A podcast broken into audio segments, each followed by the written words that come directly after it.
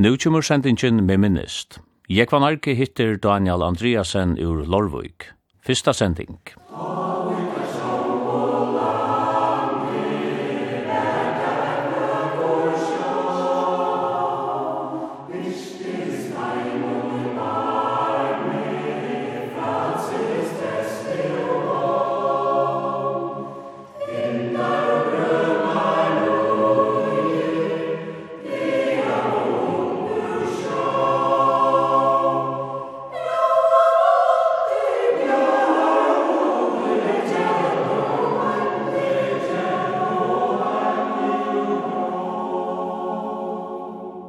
Chester tjåkon i dag er Daniel Andreasen i Lørvuk.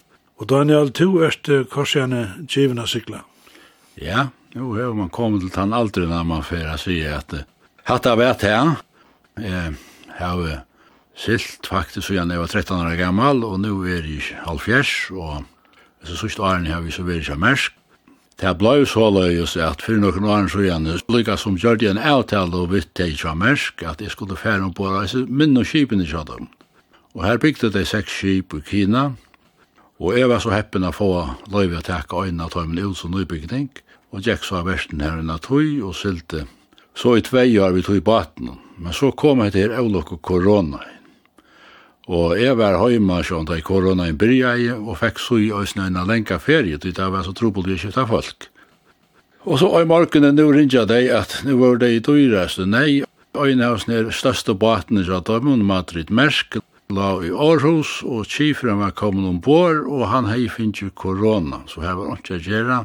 var måtte i landator, og Ivesturen måtte i Øysen i land, då du tar et korset samme bilen, Og så ble jeg oppringt om jeg kunne fære en båre under baten. Sjølvande sier jeg ikke jeg på en av veien, og dette var det største, dette var jo bare det nødgjeste og det største skipen i mersk, og bare leipa så i sa sted. Det er ikke bare å gjøre det, man skal huske seg vel om hva det er man har holdt vi. Men hin veien så falt jeg også at jeg henne skilte for det røynen, jeg ikke la ikke høyma. Så jeg sier vi til deg, hvis jeg kunne godkjenne meg til å fære en båre så skip, så vil jeg røyne. Men så vil de ha en ivelevering fra en øren som kjente kjip. Jo, jo, det søtte de, det skulle de få, men så ringte de at så etter parten at nå ble det for sønt i Aarhus at jeg måtte komme ombord i Bremerhaven. Jeg flei så nydel Bremerhaven og kom ombord, og så møtte jeg snitt kjifen som er ombord, og han sier meg, hva skal jeg skal langt klokken tutsk, og jeg kom ombord klokken åtta. Så jeg ble ikke blei på tvær timer. Men altså, jeg har vært han flere rålig og ute, så Jeg har ikke spekulerer på det, jeg har alltid hukket etter meg for å genka. Og så ble det også hesfernar, vi tfører det, og det er tjekk på det aller beste. og jeg har skilt dette sånn, dette var hessen her turen som vi skulle teka hvis den ståra båten, og skulle slippe om båret etter å hente minna. Og jeg skriver så til deg, tar jeg da, løy mot rentan, og sier at jeg nok vi skal teka alt klær inn i høymby, til at er råk vi fer ombord etter hinn båten, som er et vuks i mersk. Men nei, det blei ikke. Jeg skulle bare at det her til jeg mangla sånne ekka kifar som stod på atnen, og problemet var nu til korona i vær. Så sier jeg, ja, men det er gjort hans. Det er mer domte faktisk nok så vel om ombord, det var gau og stod kip, det rutla vi ikke nek, og vi fyrir av stæra loyer, men minus det var sjálvande til at det kunne komme fyra, vi skulle avløsa Estanfyr. Vi sylte middelen i Europa og Kina, og nid til Sovkorea, og vente Sovkorea, og så, atter mot Europa. Og a flikva etter 13-14 timer ut i øyt, det er ikkje ordentlig det beste da man kom på årene. Så det var ikke det minus, men skipene var øyelig av å være ombora, og, og var godt. Skiparen var føringur, han var Jan Edvard Petsen og Sandavai, og vi kom og stek vel og taut i bøyer. Så det tjekk er jo almyndelig godt. Jeg blei som bora tog på 18 faktisk i tvei år. Så ble jeg atla, nei, nei, nu hei jeg gjørs minna verna bakterier, skulle slippe en båra, til jeg, minna båtanes. Jeg kom heim til jævlar, kom heim 23. desember, og middel jævla nutjar, nu rinja det atter, nu var en annar båt, her er maskinskjøren, han var føringur, han finnst starv og fyrir maskinskola. Og båten skulle i dokk, i januar måned eller februar måned, og det hadde onka manna hver en bår.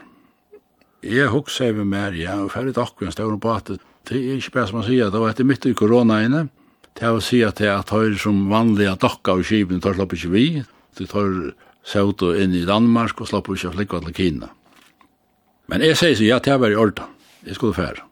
Og vi fære så at det var midt i januar måned, det som jeg ikke visste, det var til at skiparen var øysene nødt.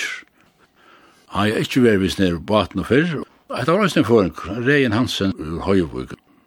Men vi pratas om det her, og hetta mot nok fra geng. Og vi fører så disse rundrøysene her i Kina og til Sør-Korea, og så fører vi datter opp etter her til Shanghai og, og i Qingdao, og så fører vi arbeiding her. Og det er gikk for slik, det var ikke problem, vi tog det stille og råligt, og det er ikke godt. Jeg ble så verent og hessne baten til nu jeg sier opp, tror jeg at jeg falt til at dette var for stor aber, og folk som man færa træsar er ikke betre. Jeg vil si at det er kvaliteter kvaliteten kanskje ganger av bakka vi til folk som man færa. Og det er øyelig av altså, etter hvordan man drøyver seg kipen i det, og det sida folk heima og fylgja vi alle tøyina. Jeg har en omdreining for nekva motoren, og jeg så kommer en mail på en av veien og sier hvor jeg sikla til 88 omdreining og stein for 24. Til computeren sjokken han sier at det går sikla for 24. Men eh, tar man her en erfarna kipare, så pleier han kjøtt å finne til å svære kvitt det er så, og det hevs ikke vært nekkar trobeløs. Så nu falt jeg til henne, var togjen kommet, jeg og kona var øyne til at nå før jeg gjevast i å sikla, takk at han var rådet vi har vært høyma. Men det var jo sånn det er planer som fører vaskja og det samme. Det var så det at jeg har lykket som bestemmer meg til å fære Jeg kan skal djeva sinter atter av til alle man er finnes i jøkken løyv. Og jeg er bestemmer meg til å fære til en fællesskap som er mersi i skip, som hei drivet nokkur hospitalskip. Hetta var kost, alla vinn i jøkken, alla millina og alt var kom på plåss, og jeg finnje mail fra døymen at jeg skulle minst ombora en sånn skip i Afrika, 4. januar komand. Men så knappt jeg finner det så tev at det tåg okkur mitt sin som var blåtinnant. Og det var ikke godkjent av amerikanske myndeløg. Så jeg kunne slett ikke færre ombord, og det ble stekka. Så det ble ikke mer bors urtøyen til at jeg fører vaske, det jeg var. Du er lorvesyngur? Ja, jeg er lorvesyngur, vi står en eldre, kan man sige. Og det er jeg stolt av, jeg er veldig glad for at jeg fikk han møvløykan, for det første er å være fatter i Larvik, veks opp i Larvik, og komme byggve her. Så jeg at Jeg halte til, som en bygdadronker, så var det et fantastisk omrøy jeg veks opp i. Først var det så løs at man begynte jeg, da var grolva og godt og vel, så sa man bort om man er kjekk, man sa bort om man er fjørina, og det ble okkara spelplass. Vi byrja og tullja, og foreldrene var faktisk nok så tryggt. Det gikk nek folk alla togene her, og det var utgrunt, det var ikke sånn at det var djupt. Så her spalte vi alla togene. Og første ferie jeg halte, er mer fortalt, jeg minnes ikke sjølver. Det var en av jeg var ferdig nå, man tar vi var en trojere gammel. Da skulle jeg nok ikke være ferdig, men, men jeg var så ferdig når man er. Og mamma pratet å fortelle for meg, hun følte så at Eurek var sær. Det var akkurat som ikke var som det skulle være. Og hun får løyta, og drangeren var ikke å finne. Og så sjå han, så var det ferdig om han fjørene, og ta la jeg og fleit ut i boen her, og han, hun leip ut etter meg, og, og fikk meg landet Men jeg er ganske jeg tidsi så vidt det var av tog. Og det tjekk bare fram vid hamina, vi, vi spalt i fjøren. Det var så løs at vi gjør noen bater, og vi tatt noen navn. Papan er tjokken de fleste, tar bare i Grønlandet, og vi tatt noen navn som Føringahavnen, Akappanon, og Stauransnøytene og forskjell. Og vi gav oss forskjellige støyne og navn som vi kom forbi og silta. Og batene, det var så løs at det var nekker utrabater i Lorvøk, Og vi gikk bare ut av passen alle. Vi lærte å tullje et egna og få oss vi løgnene. Men så var åtta da vi gikk ned i motorrum, eller maskinrummet. Og her stod alltid en oljedunker, og det var sånn 25 liter stunkar. Og tar var av jatne, og vi blei da gikk litt ut der, for å vite, nå, ok, her er sindre etter og nå må vi bo i sindrett røy. Og så vi neste det, jeg vet om han var tømter, og det var han kanskje ikke. Og så tar jeg det var holdt ut etter, og så platt vi da færre av vidunnsjen. Og så får vi til hus, og så får vi til kjattlæren. Og her funnet vi så akkurat dolk. Og så høgte vi bare batten og låk på uresen her, og slatta av det ut, og så kjørte vi bata på uresen i tilfæren. Papane var kanskje ikke så glad i den der så dolkan rattur, vi tar bare sjåan til pura vi lagt det av sånn her, men vi fink og fina bata på ur, og kitt fink vi det sinde fra handelsmannen, ikke vi dotter penger kjepa, men vi platt av her åman, så platt vi da få sinde fra, fra Hjalmar, som vi kallar av, Og så ble så til var tattor, og så sylte vi Vi følte oss støyner, og det var slik som fisker, og det ble silt av kappan og nåretter, og så atter til forrige. Og så var kvars, så begynte det høyre til at nu var det farin til Newfoundlands. Og så ble det øsne at vi får fiska i Newfoundland. Og hetta gjør det sjåvande til en smadranger som var så nek bonden av kjekve og baten at ahoven blei øyelig stor. Og jeg må si at jeg er i Lorvøk at det er menn som finnes vi utdrager. Jeg mengan undrat i det at det er tomt og at det tål å få oss vi ok. Men alt, jeg minnes ångkant til at vi var riktig landater eller nek. Vi var alltid hjolter. Ta ut og rukk opp av stampen, så var vi lært regna. Etla stod vi bare her lønningen og knytt og teimar saman vi en hudkjøy, så stod vi til fiska og søy her om båra baten. Og vi fikk jo nekvansøy. Og det ble omgående kort vekk. Man rønte jeg krøtja det saman og en alitje, og så fyrir man dressan til husvusens øynene.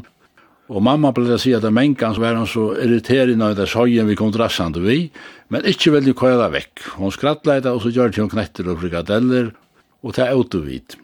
Og glede var vi til at nu hadde vi finnet en til søyen vi hadde fiskat av, og nu er autovid av Jeg kan minnast at det, det var ofte en sjån, det var en veterin tar, tar rau ut, At han må være av myndelig kaldt. Den som skar agn, han stod fram med lastalukene, og han sa hvordan vekkere vi er, så stod han her og skar agn. Og der som stod i skolen, da var han bare varter. Og det var det samme at der stod engt, og så knappelig så ble kjele vever, så akkara han nian og frost, og så inntil fukla her og batene for tøya. Og her minnes det som smadrunga, vi slopp øyelig ofta vi av for tøya baten, og særlig av øysen tøyta for atter etter baten. Og det her kunne ofta være et opplevelse for til fukla for etter baten.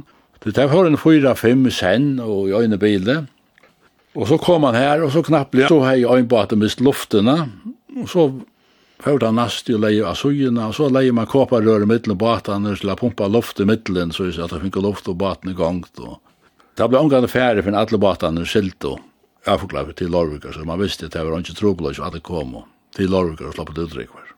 Og jeg minns eisen, vi kvart så lever der boja av, og, og lort etter vebraten, tar lort etter norrmannen, tar lort etter danskaren, og så lau der hukt, og boja kvar mot nu løysa fyrst.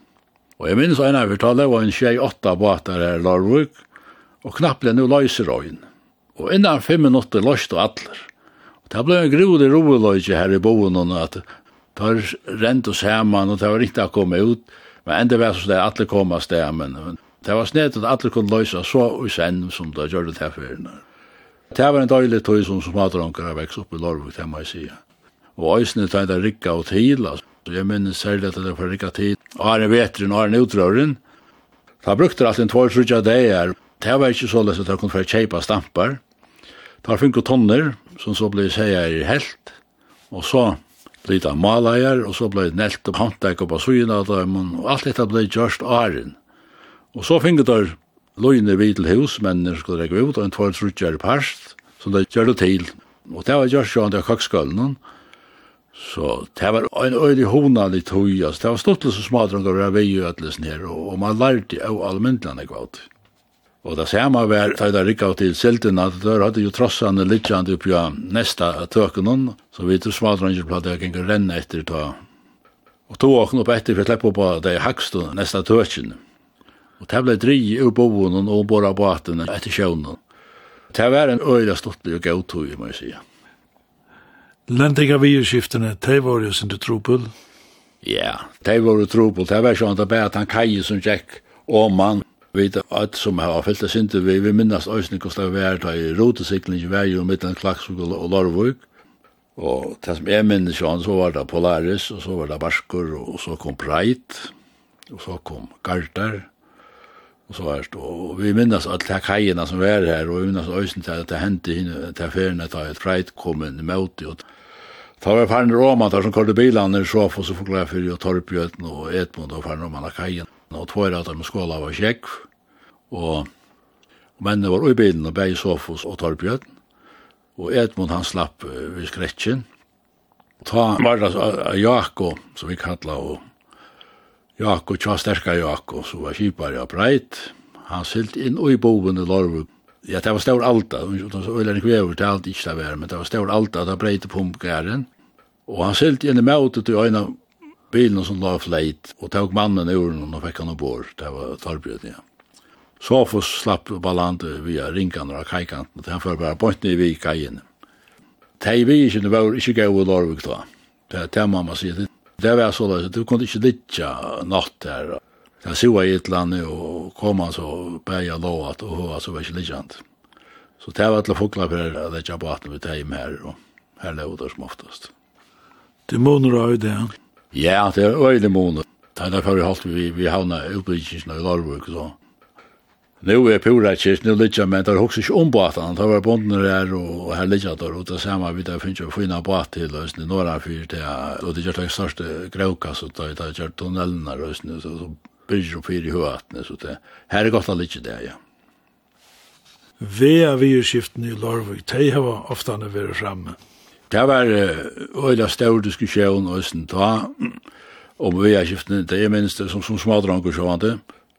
Det var ringt av køyra, og om veteren da i kjøver vær, var nesten ikke køyra, Det var ikke autoværen, det var nekker støyner som stod fire, og tar stod ikke mer til, tar stod opp på nye, kort og herlig og alt, så kappa av det om han er av, oss, Og Og ta i kjøver var, var nek som ikke tålte å køyre til Lorfinn, ta i Fjordvik, og jeg minns også som at smadrag, det var heldig ikke, så vi tatt og grævmaskiner som kom på en av veien fra landsverksfrøringen og ta. Det var ingen pleik og grævmaskiner som var fyrir meg i bare åttende da, og Det var penner av kibane som måtte henne. Jeg minnes vel så spadrang, vi ble sant og hytja da han kom undan enden noen. Så da jeg pleide jeg kom undan, så får vi til rennand inn etter og fyllte hon og lukk atlan veien. Og han kørte ut til nast iste hus i bygdene, herfra innanfor seg å drekka. Og så slapp vi til smadrangelika som spelar vi ser maskinerna. Så vi helt det var øyelig og større, men Ja, og se han han er hos høytni atter, hun stender inn i fjøsene til landsverksfrøyngsen, og hun er ikke støvra ikke til, og hun er øyla løyt til. Men... Og her sættes ned med henne og korte maskinen, det var ikke hus, og han sier at bedre bare ved vatten, og så det var vi øyelig kaldt, og jeg får ikke si til arbeid her, men det var, han var så fast i fjoser her, ja. Sættene av det finnes jo bøtt om, altså vi er vi i skiftene. Ja, det var en lenge diskusjon om hva skulle det gjøre, og det var øyne nek motstå og motstå det, men så ble vi ferdig holdt vi at gjøre tunnelen til Gøter, og som var en øyelig, øyelig framstid, altså, det må, det må man si, altså. Det vet kort som sagt, nek var i jøkken, alle årene jeg lærte til dem så skala, ta kortet til gamla lorfinn, og det, det var ikke alltid så spennende jeg kom i jøkken. Men det ble lagt nekk fire, fire å komme fram. Og vi tatt alltid spekar vi jokken, så vi sa, vi finner griv jokken i jøkkenen, Det er ofta skalvarløv etter vennen. Jeg minnes ein tur, da kom jeg av skala til Lorvikar, og morgenen, vi hadde kanskje vært av skala. Ikke til arbeid, men kanskje øren og øren dønn, og tog til Lorvikar skifta klæger. Og det var øyla nekka skalvar. Og vi kort og bare vi nekkvar fer i kjøkkenes som skalvaner, og jeg minnes jeg kom til Lorvikar, da var ungen forlikt etter av bilen, og det var krosj der inne av kavan, så nekka kavi vi fyr. Det var ikke alt stått stuttla kvar i Lorvikar, nei og det er øyla godt å finne tunnelen, og det vi gjørst det er at nek vi bor til som annars ikke hei bor til, hvis man hei det gamla veien. Det var en av diskusjon om hvordan veveren skulle færre tjøkken bygdene. Ja, det var en stor diskusjon, så satt ni at det tar, og man får holdt ved seg tunnelen til klaksukker. Og her halte jeg kanskje alvorlig, så jeg bare ui så skjøter og glabber til å si ja til alt, til at det Da man hoksar om attana, henne at Esen Tunnelen blei sjåan gjørte til alla føringar, men han blei mest gjørte fyrir norringar. Og da man hoksar om gossi klaksusinkar var trekla leta nekka av bøye til enda vegin, og vildu ikkje leta fyrir alt var kom på plåss, så var lorvusingar klappa etter og lukka som lauta der fyrir gongt og leitja grauti i lorvug, som sjálvandi òsne var gott, og vi fikk brukta grauti til havnutbyggingsina, og fikk nekka nytta på surtoi. Men Det har vi er for i Jøkken Lorvuk var ikke lost. Og det har blei var knuter. Det er Lorvuk er jinko lukka som vi tvoi ut i malen. Kanska hei man anes om at meiparten av bygdene vildi hava vei nian for bygdene. Men det var nek ånder som ikke vildi det. Og særlig var det at de som hadde vi vinnerløyve gjerra, der som hadde flakka visjene og det Tar var ikke glad for å få veien nye for bygdene. Tar mett til at jeg må forstyrra for nek for havnalei. Jeg må si akkurat som er, jeg, jeg var selv vi og vittjerne av tog malen, og jeg kom med bygtarøy på en åren. Det var så at det var bygtarøy svært. Bygtarøy hei tidsi støv om at vi skulle være nye fyrir, men ikke nekka enda litt. Og så blei vel, og det blei jo sitt trobelig å ha folk å stille opp. Og jeg, jeg stille seg opp, men jeg sier så omgående hva holdning jeg hei til veveren. Det var da nok sånn ek som høtt og pura grøya holdning til veveren Jeg var nok så åpen for dem. Jeg, jeg trodde jeg sykje at det var måløkker at gjøre okkur nye for bygdene. Men så er øyne måløkker om for bygdene, tror at hvis man gjør det en gøyva ved om for bygdene, så kunne man kanskje finne nokkur Bæje, jeg lett meg sige verkstø, og handlar til å li framvite venen som var gøyre å komme til. Og knapplega at jeg kanskje fotballsvetter og alt det, og ikke komme litt nær vi i veien. Og kom av til samme nærre bygden i Østen. Men det var onkur, det var teknistående gøtta, tar at du kom vi en oppskåte, Henning Olsen og Tøyr, om at gjør en slus og jøkken nye fire bygdene. Det vil si fra her som kyrkjan er, og ut om nesten, ut i Åttarebo som vi kallar av, her kallar man i jøkken en slus, som kom opp her, og kom så slett ikke køyre faktisk i jøkken og bygdene.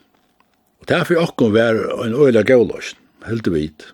Og det er at alle lorskikker det ikke under vi, eller med en parten av lorskikker.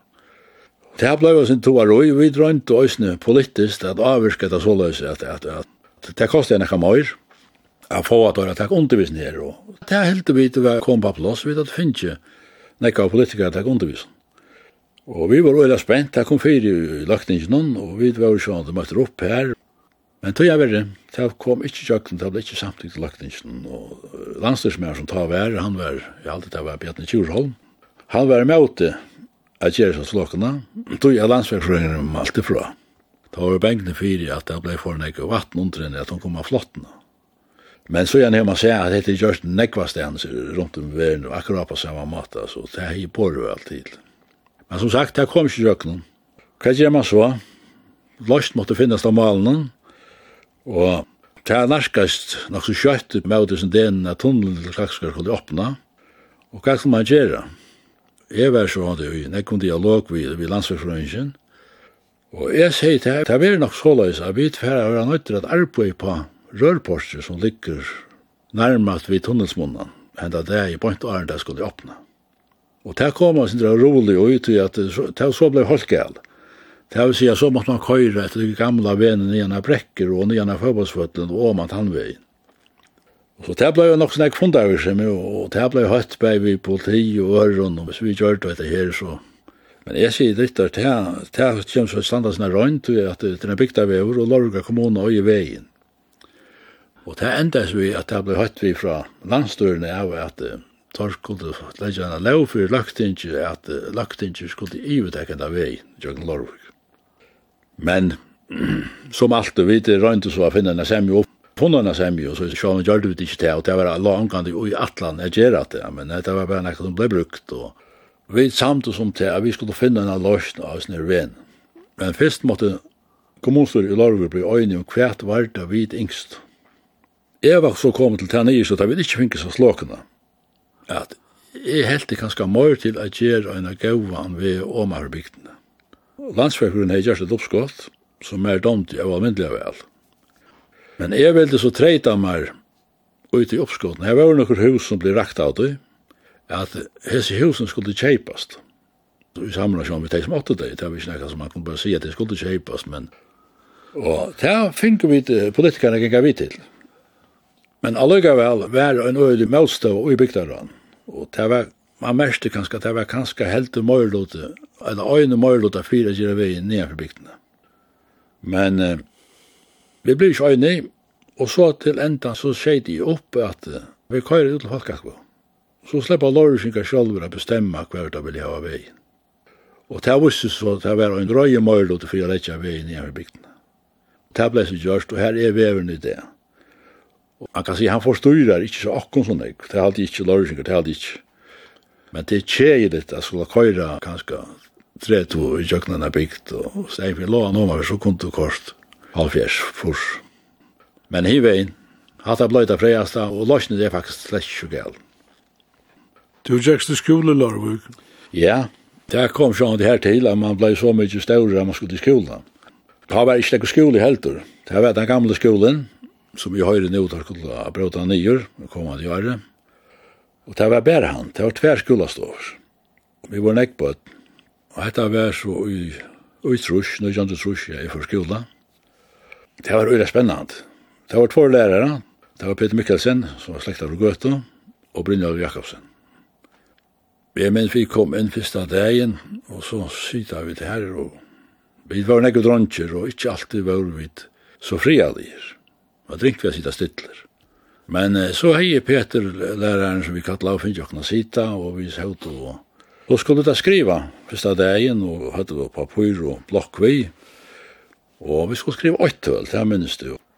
Og vi skulle skriva faktisk alla sugina, og, og det var den øyne dröm han er langt livur. Tänkte vi att det var ordentligt han tog vel att skriva. Men då är han skriva bara att han var begynt i erva vi ett öl alla vid nio och så han fick fem ett öl av sojorna så var han livor och sånt.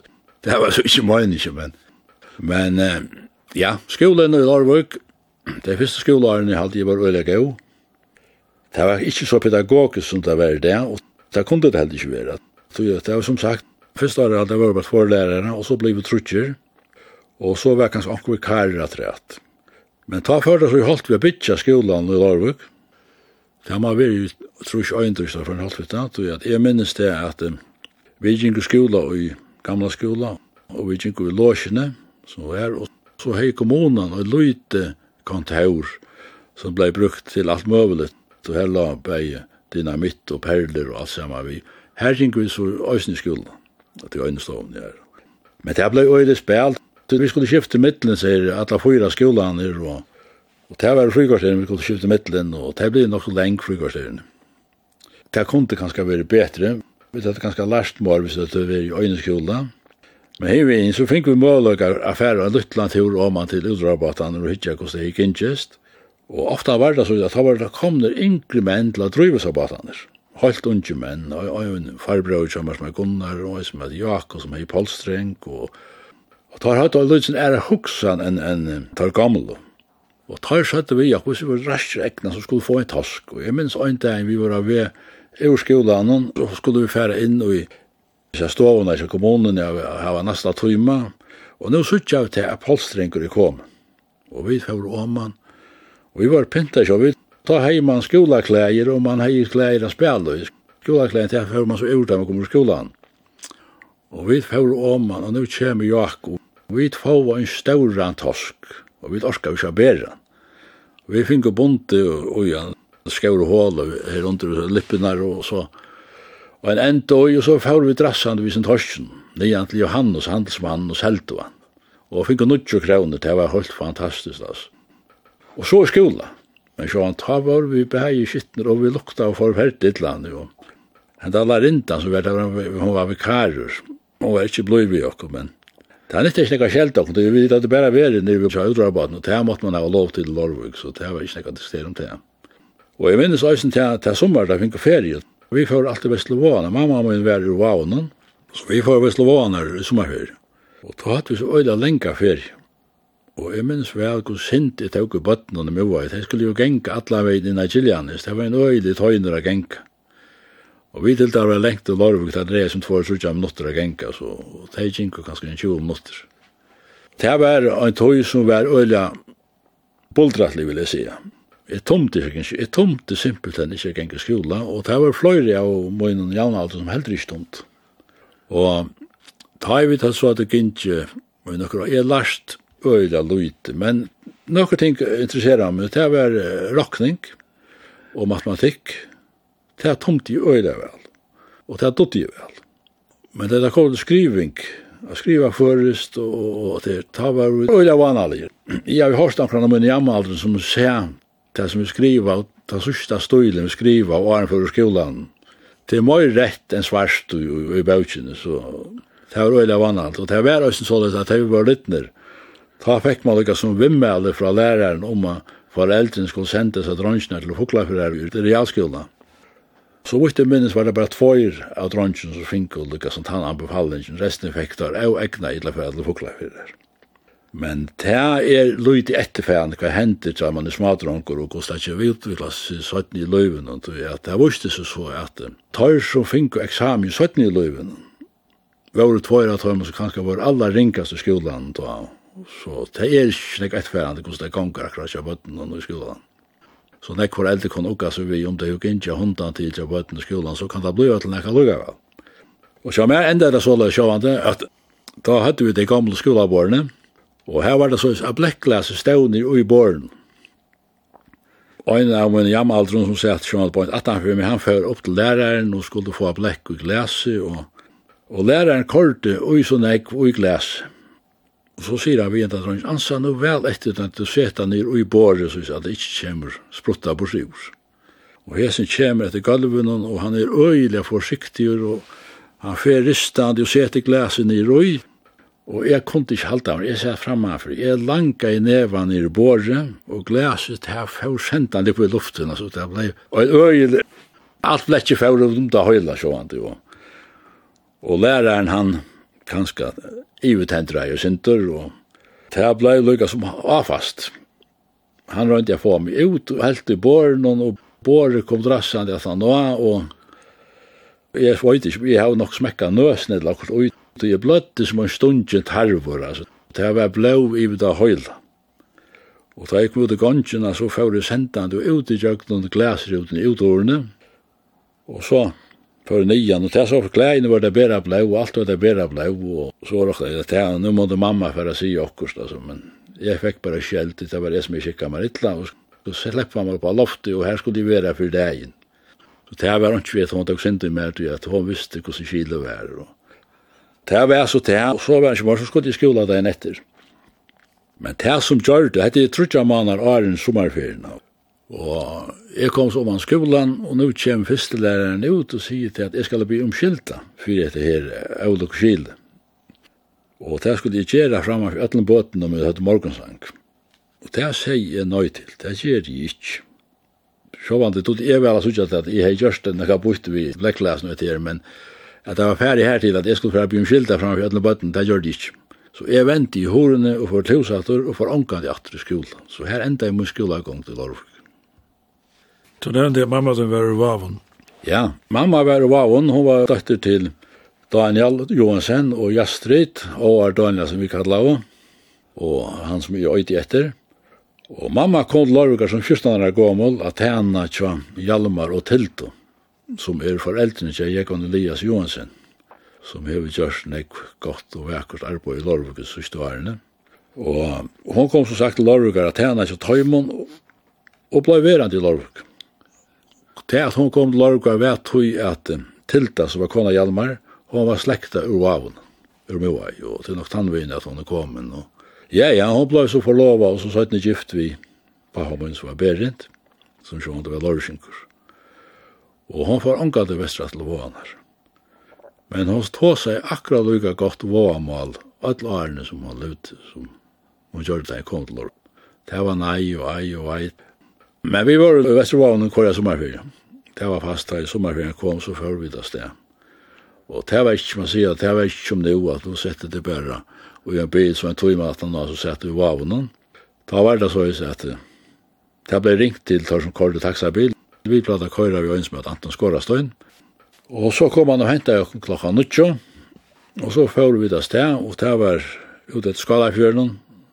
Ankte vi ut av tofter, søtte var inne høabøl. Og så vi Sigmund til havner. Og den turen kunne bli så drikkvort, og han skulle jo leggja et nekka stedet til å lossa og lasta. Og så til havner, og så slapp vi ikke vojer til havner, så måtte vi ut av Arger. Det var en faster som bor i Arger, og her kiste vi så nottena. Og så morgen etter at vi i Vesterlei, Vestlevåanar, det var ofte en drøye turer. Jeg var øyler en grasjøver, det minst du forferdelig ringt og gjøtt.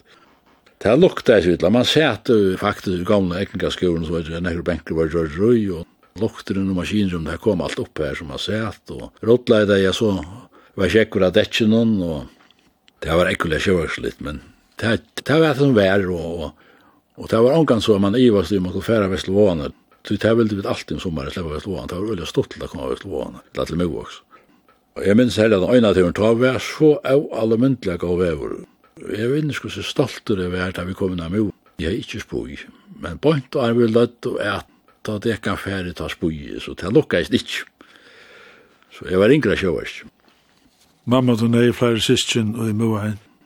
Det var nek syskjen. Jeg kunne til nevnt Viktor Johansen som var en av dem som råd nek ut i Grønlandet, beia kappan og æra stannes. Hei, två båtar, og arbeiten, ja, jeg minnes ikke navnet inn.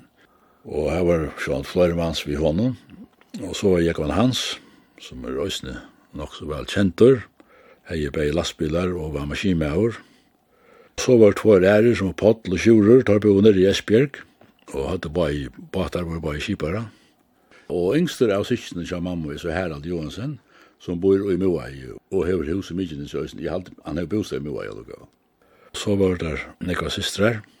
Der var jo en som er Rott og en Dania, og så en som er Arndala som bor ute i Heste.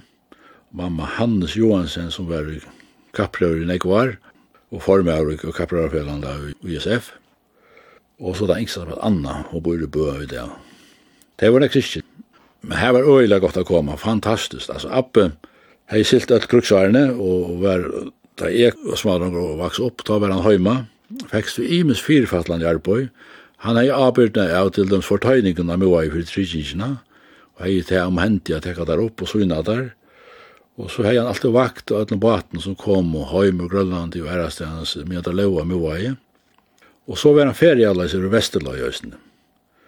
Og han domte øyla vel av få vi skal roi, Og at om du vel har fast vi østene vi sei og andre kreatur og velte nekv, så at uh, vi som smatran vi lærte øyla nekv her til hon. Og jeg minnes særlig at jeg at um, han tomte vel at gjøre forskjellige nett, han lærte okkon a ria, og han lærte okkon a gjøre trål og gatt, Da var sånn, ikke lov å sette gatt etter søylen og annet og leitsvattnet, men, men, men det gjør det vidt, allukka vel. Så vi prøva vi med samme vi, og han var alltid klar å hjelpe oss.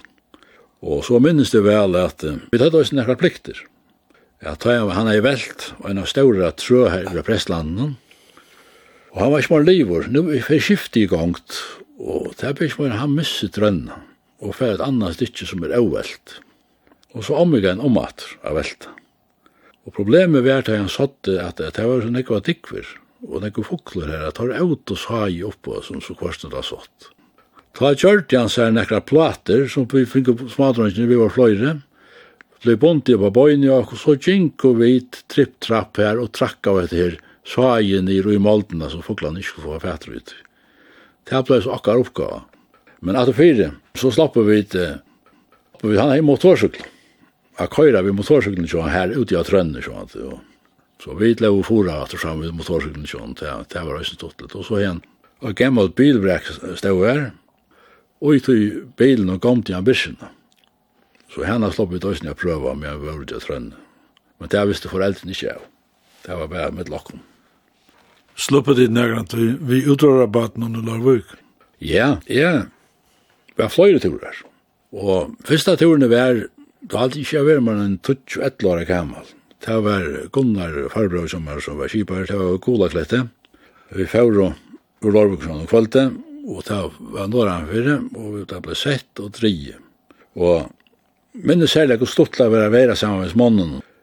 Hvor så godt lät det var av dem. Det var, sånn, det var øyelig av vevor, og, og det var vel av fisk. Jeg hadde finket godt 20 000 pund den dagen, og det var heldig, av var øyelig godt. Og det var godt slag. Vi var trutcher, var vi tann dagen, Bodje Musiko var øyn, og øyn som Andreas Martin, som var nabyggesjån, han var vi just. Nu leva det som reip, men jeg, jeg, jeg, jeg var allukka til sjåsterkare enn tøys. Jeg var så oppi av detsjen at han tøyna meg vi drev og høren, og da vi kom nir, ta halvt i tar lov og bæir under båren og nere i lukaren og ringer av sjåver, så mittlen kom og stilla her nere. Og, og det var det samme at han der, jeg vet, kjørt som sagt en råktur, Og vi fikk en stauran toskepast, da vi kom atter av Norvik. Og det var samme, det var affæra ned til her Johannes, som var handelsmæver og kjøpte fisk, han er en fiskakjallere. Og vi får ned til han med fisken og selte der, og så fikk vi tar pengene, og tar pengene åtte vidt. Pengene ble jo kanskje ikke alltid brukt der. Det er jo som tar pengene åtte vidt, det er jo ikke noe som blandet ikke på hvordan vi brukte der. Og Det var så løs at her var en handel som Jakob Emil hei i Lorvøk, Og han er byggt nødjan handel, og så har han rutta sjåan den gamla handelen. Da har han funnet nekka gamla tobak, og hetta tobak ble selt for øyne kron og patjen. Jeg kjøpte så tobak for pengene, så hadde vi et hus nok så overleia i heianon, så var bygden, så var skurur, så fyrir vi nian her, og her ble rokt og badla, og så det det brukt, ja. Ikke alltid så skilja godt, men for en smadrang som var fotla løy, var det fantastiskt. Det er alltid.